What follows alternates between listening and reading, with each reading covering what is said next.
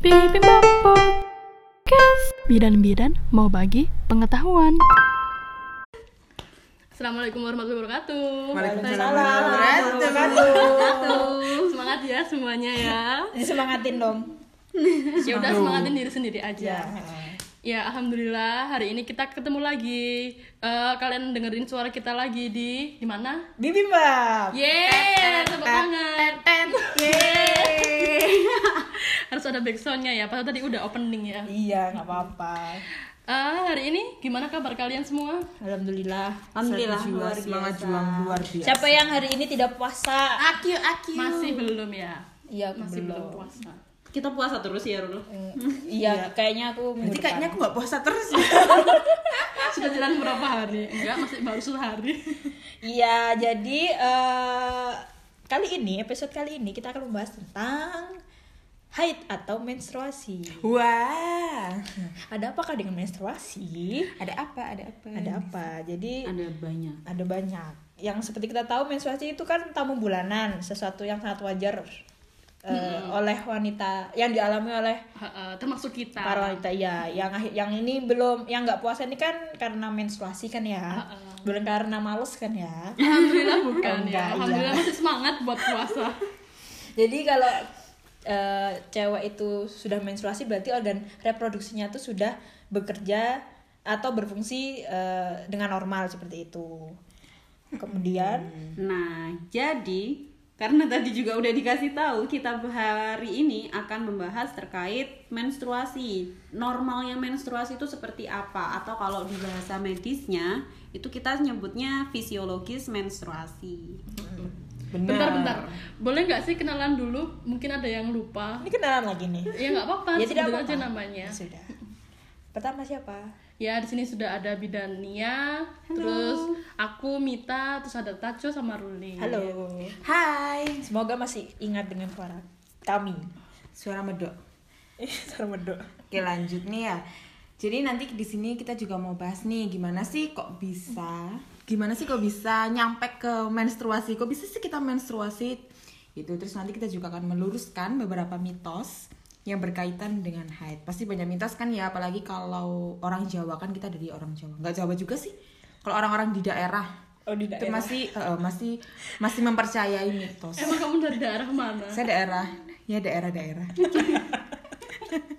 daerah daerah Lanjut, Begitu. lanjut, lanjut. jadi menstruasi adalah apa sih menstruasi menstruasi adalah apa mbak Mita Oh iya, ha-ha. ini jadi part saya ya. jadi menstruasi sendiri adalah keluarnya darah dari dan sisa endometrium atau lapisan rahim dari kemaluan wanita atau yang bisa disebut vagina. Udah tahu kan eh, vagina itu apa? Eh, kalau kalian sendiri siklus haidnya berapa? Udah ada yang tahu belum siklus haidnya? Kalau aku sih kayaknya bukan kayaknya sih 28 sampai 30-an lah. Berarti udah tahu ya. Udah lah. aku sudah hilang Masa tenaga hitungan kesehatan nggak tahu. aku hilang hitungan kak Tapi kamu pasti tahu kan siklus haidmu berapa? iya tahu sih Udah lah, stop stop. Nah, mulai sekarang berarti kalian-kalian juga harus tahu siklus haid, haid kalian. Mm, jadi siklus haid sendiri itu ada yang reguler sama yang uh, irregular ha, atau yang disebut teratur atau yang tidak teratur. Nah, normalnya itu antara 25 sampai 34 hari dikatakan teratur kalau misalnya uh, rentangnya itu cuma beda dua dua hari Variasinya uh, dua uh, hari. variasinya dua hari misalnya dua hari sebelum atau dua hari sesudah tanggal beriku- eh, sebelumnya seperti itu Gitu. Nah, jadi biar kita tahu gimana siklus haid kita, itulah pentingnya buat kita itu mencatat haid kita tiap bulan. Nanti kita bisa tahu siklusnya berapa, nanti kita minimal mencatatnya itu adalah 6 siklus. Nanti kalau dilihat dari 6 siklus itu kita bisa tahu berapa hari bukan frekuensi Rata-rata. sih, Rata-rata. jarak jarak antara haid pertama dengan haid kedua rata-ratanya berapa. Disitulah siklus haid kita. Nah, bagi kalian yang males nyatet tiap bulan eh, sebulan penuh itu kalian nyatet kapan mulai datang bulannya itu kalau a- kalian males ngelakuin itu, kalian bisa unduh aplikasi di perangkat kalian, Ya, perangkat di smartphone gawai, kalian, gawai. gawai, di Gawai, gawai. smartphone kal- eh, di gawai kalian. Banyak banget aplikasi-aplikasi eh, yang menyediakan apa ya cara untuk menghitung siklus menstruasi. Jadi biasanya tinggal masukin mensnya kapan nanti udah langsung ada ya kapan Betul banget. masa subur kapan kapan ya? Mm-mm. apa Dan biasanya ada penandanya buat eh, misalnya menstruasi bakal datang dua minggu lagi atau seminggu lagi gitu. Iya. Gitu.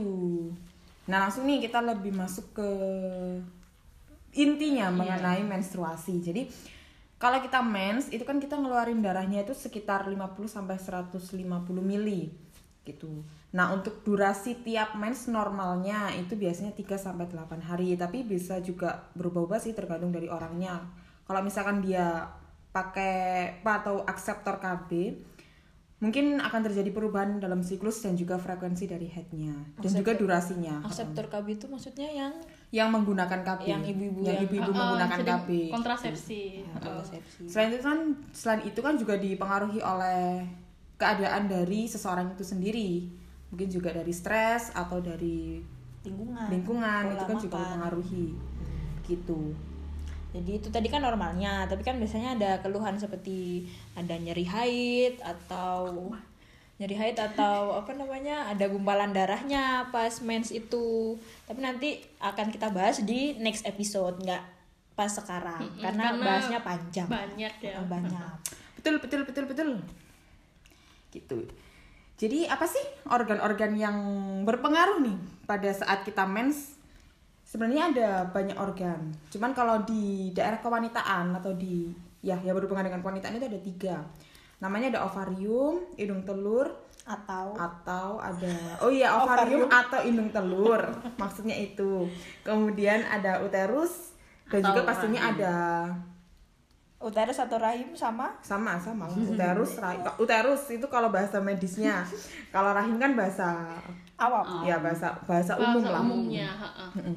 kemudian juga yang tentunya ada otak otak kan pasti berpengaruh pada segala jenis aktivitas kita ya enggak Ya. Ya, oke benar-benar. siap nah selain itu kan juga ada hormon-hormon nih kayak hormon estrogen progesteron FSH kemudian juga ada LH jadi mereka itu bekerja sama satu sama lain untuk menghasilkan suatu kegiatan yang bernama menstruasi Ribet ya, Kak ya? ribet sih kita aja kuliah juga ribet ya nggak Ah, benar-benar. ini kan kita bahasnya 4 tahun loh kuliah coba di sini aja kita baca cuma satu jam gila keren banget Wah, gila gila.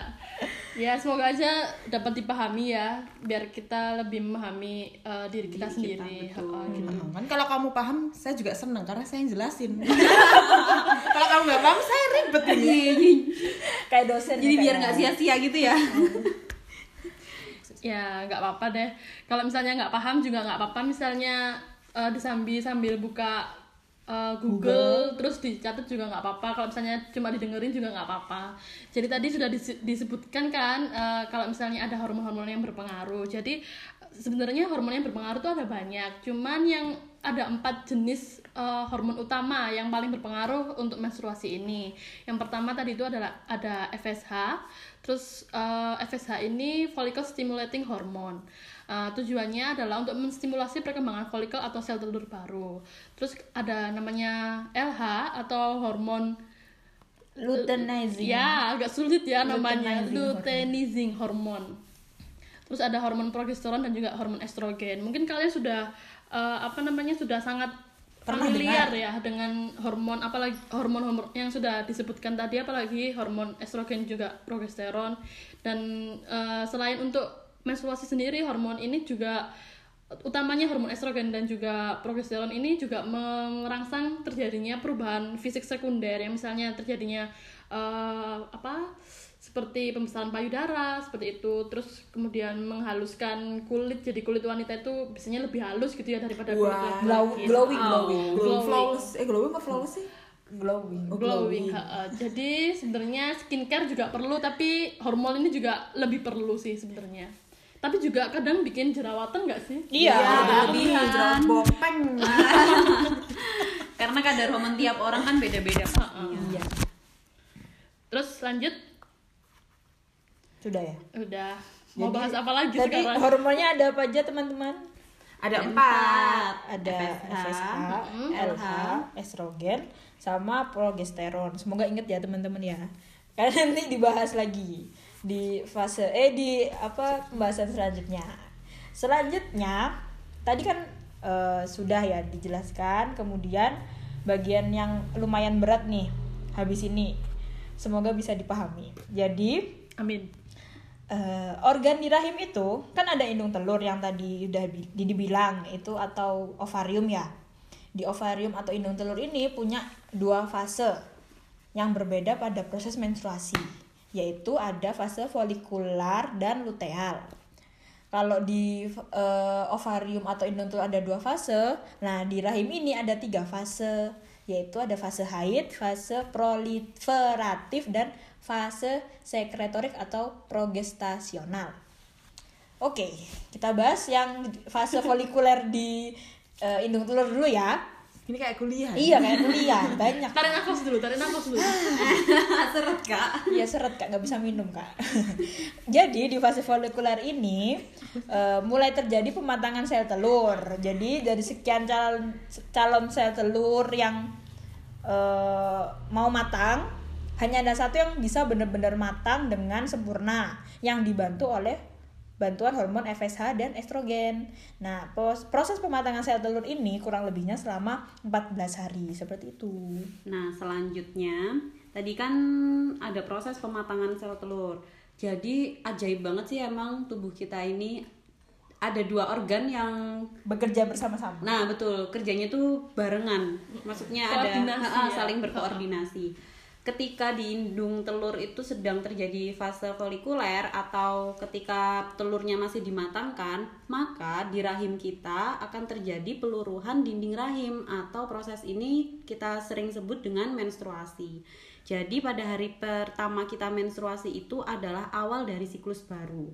Kemudian ada yang namanya hormon prostaglandin. Nah, hormon ini akan merangsang kontraksi ringan di rahim untuk membantu pengeluaran darah dan jaringan dari rongga rahim agar bisa keluar. Kalau produksi hormon prostaglandin ini berlebihan, mak- ini akan menyebut eh, menyebabkan dismenor atau nyeri haid kalau kalian eh, sering tahu.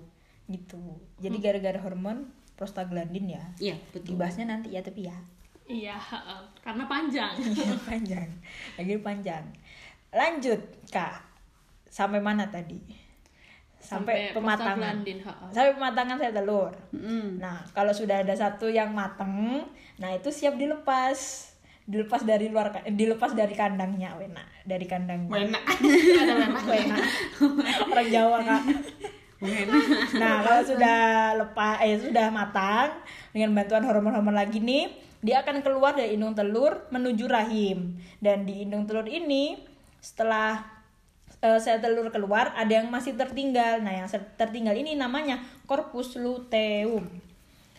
Eh, terus apa yang terjadi pada sel-sel telur yang tidak matang? Dia eh, nasibnya akan mati. dia akan mati atau berdegenerasi seperti itu.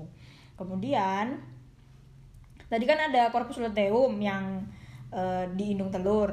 Dia ini tugasnya adalah memproduksi hormon estrogen dan progesteron. Hormon progesteron ini gunanya tadi adalah untuk mempersiapkan kehamilan. Selain itu, dia juga menghambat produksi FSH dan LH. Jadi ingat ya, korpus luteum memproduksi hormon estrogen dan progesteron. Hormon progesteron ini mempersiapkan eh, gunanya untuk mempersiapkan kehamilan Kehamilan, oke. dan untuk menghambat produksi FSH dan LH. Mm, Jadi ada timbal balik yang menghambat gitu ya. Iya, ada ya ada apa namanya? Feedback negatif, negatif namanya. ha, seperti itu. Ya ini salah satu tujuannya juga biar telur yang dikeluarkan satu itu terus di indung telur nggak diproduk apa nggak di Enggak produksi dulu. Ah, ah, nggak produksi dulu. Pabriknya nggak produksi. dulu. Siklusnya bisa berjalan berurutan. Mm. Kemudian eh, selama di fase luteal ini di rahim terjadi proses apa kak? Nah, selanjutnya di rahim itu ada fase proliferatif. Jadi fase proliferatif di rahim ini tuh bersamaan dengan fase folikuler yang di ovarium. Nah, saat terjadi ovulasi, si rahim itu kan ak- eh, yang habis melurus meluruhkan jaringannya itu kan akan memper- memperbaiki diri. Istilahnya dia akan menebalkan dinding rahimnya kembali. Kemudian nah, penebalan dinding rahim ini dipengaruhi oleh hormon estrogen. Fase proliferatif ini kan berlangsung selama akhir haid hingga terjadi ovulasi selanjutnya. Setelah ovulasi ini nanti akan masuk ke fase sekretorik atau progestasional yang di- yang akan dipengaruhi oleh progesteron. Nah, intinya progesteron ini akan membuat rahim itu siap kalau nanti sewaktu-waktu ada hasil pembuahan yang bakal nyampe di rahim. Gitu. Begitu. Seperti itu.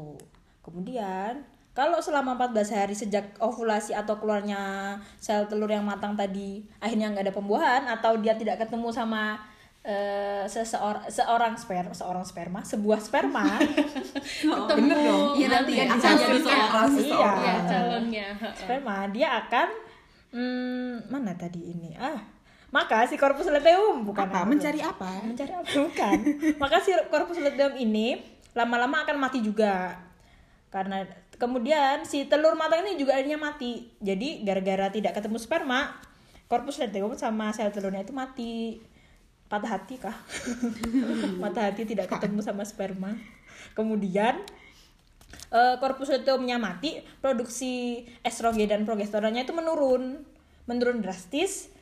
Kemudian karena tadi eh, tugasnya progesteron itu menghambat FSH dan LH, karena dia mati, jadi eh, feedback negatif itu nggak ada. Jadi FSH dan LH itu akhirnya diproduksi lagi. Nah, karena FSH dan LH diproduksi lagi, maka proses pematangan sel telur baru ini akan dimulai lagi. Jadi dimulailah fase folikuler eh, seperti semula atau selanjutnya. Nah, kalau di rahim sendiri karena tadi progesteronnya sudah nggak ada, akhirnya rahim itu melepaskan yang namanya hormon prostaglandin. Dan seperti yang sudah disebutkan tadi, prostaglandin ini menyebabkan adanya nyeri haid.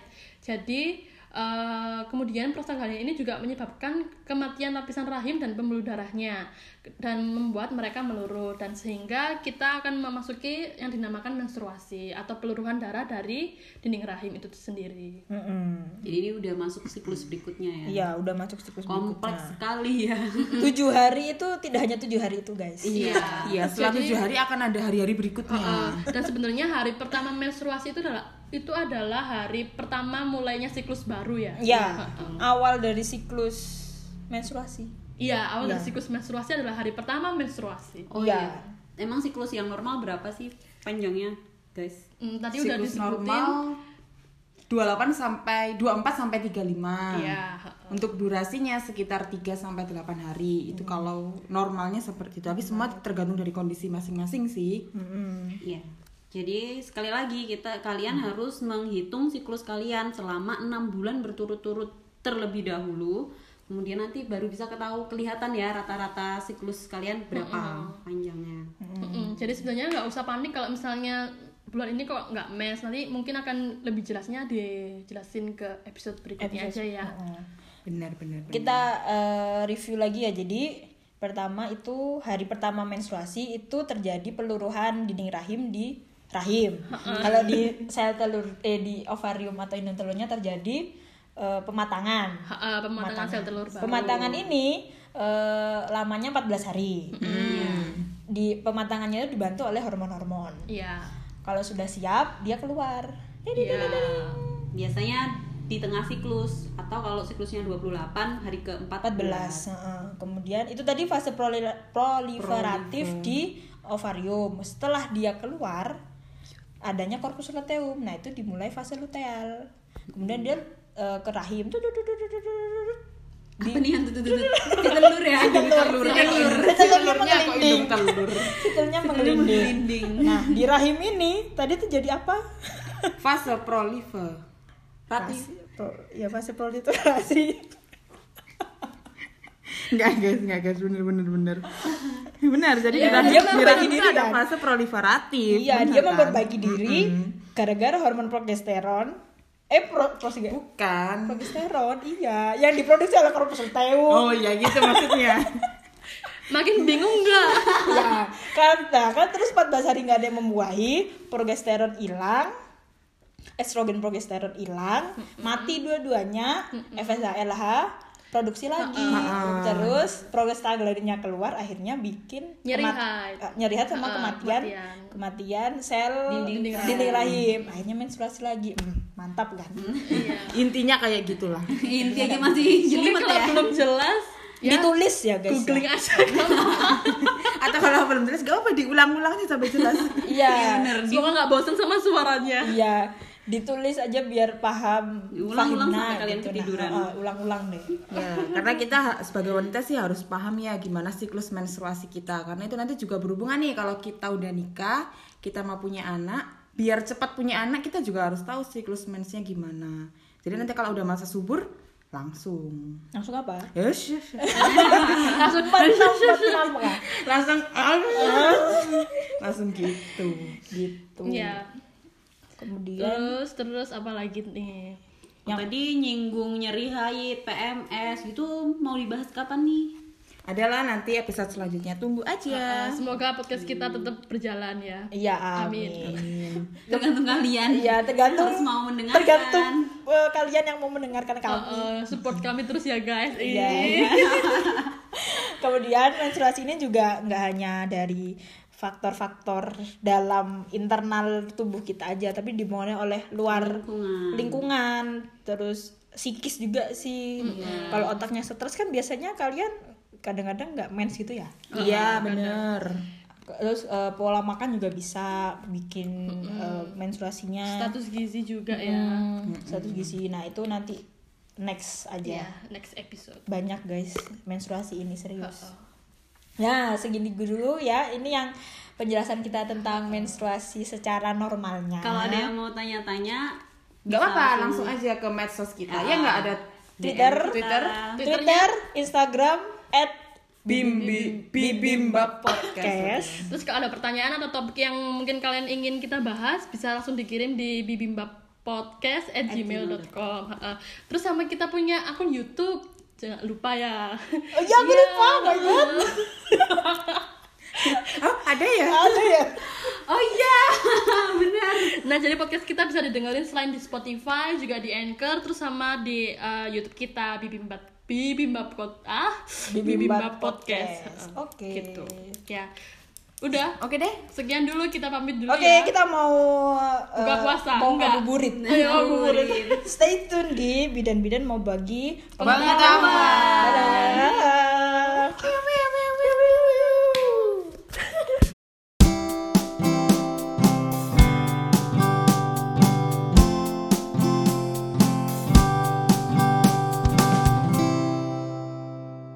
Gimana podcastnya? Seru kan? Tetap dengerin kami di episode selanjutnya. Tetap di Bibimbap Podcast. Dadah.